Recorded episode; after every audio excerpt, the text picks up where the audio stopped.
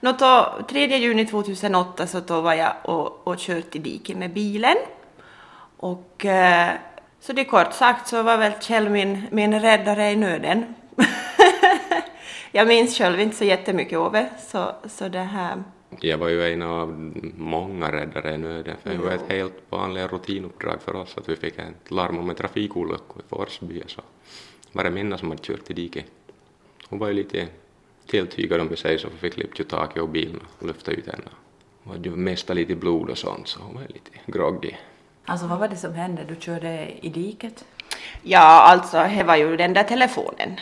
Så, så jag läste ett sms och så, och så det här for jag som över eh, som mot, mot diket på min, på min körfil och så, så skulle jag som rätt, rätt till bilen men så svängde jag för hastigt med ratten så jag for som över på, på, på det här på andra sidan och så ner, ner i diket på, på vänster sida blir det ju då.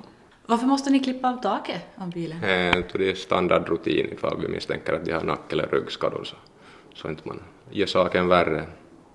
Men det behövdes ingen mun mot mun metod eller någonting. nej, Kom, nej, det kom senare. Ja. Men så, jag menar i den situationen så det ju kanske inte första man tänker på att ragga någon. Nej. Så när kom det där in i bilden eller vad hände sen? Um, ja, alltså det är ju som sagt eh, att jag minns ju inte så mycket från, eller liksom att jag vi, vi, visste ju inte att det var Kjell som, som liksom var där och hjälpte till heller, utan jag var nog så pass groggy så.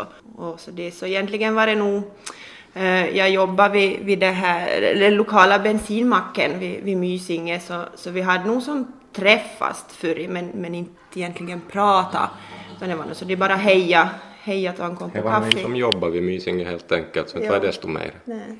Men då efter, efter olyckan så, så, det här, så började vi nu prata lite mer och, och det här och, och det är ju som flera från, från brandkåren som färlas tid så, så då fick jag ju tacka dem ordentligt och, och så det ena då och vad heter det? Nej inte vet jag, jag började prata mer och mer och det ena ledde till det andra. och nu är vi igen snart tio år senare. Två barn och hus. Ja. Men det var inget allvarligare med dig då säkert eftersom efter några veckor redan så...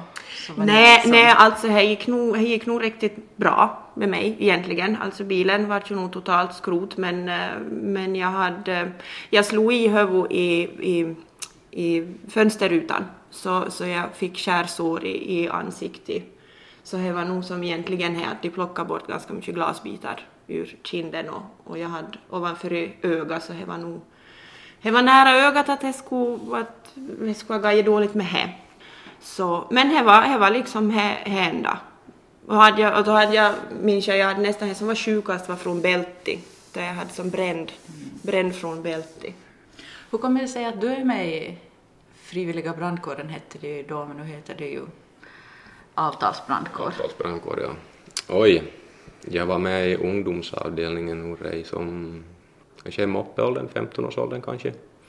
Och så blev det ett uppehåll till det tills jag kom ur militären och då, då började jag på nytt och så nu har jag hållit på. Varför? Brinnande intresse, nu är det roligt att få ut och hjälpa folk där behövs. No, men nu har ni bott i ett nybyggt hus och sådär, och framtiden då? Hur ser den ut? Nå, är ju, vi, vi har ju det här trädgårdsprojektet om man tänker så det är husmässigt. Och inte vet jag annars, annars morrar nog bara vardagen på. Vi morrar på. Vi morrar på inte. Det är nog som man, är, eller som, som man tänker själv att tänk hur det kunna bli. Slapp du Anna? Nej, jag, fa- jag fastnar nog och har fastnat.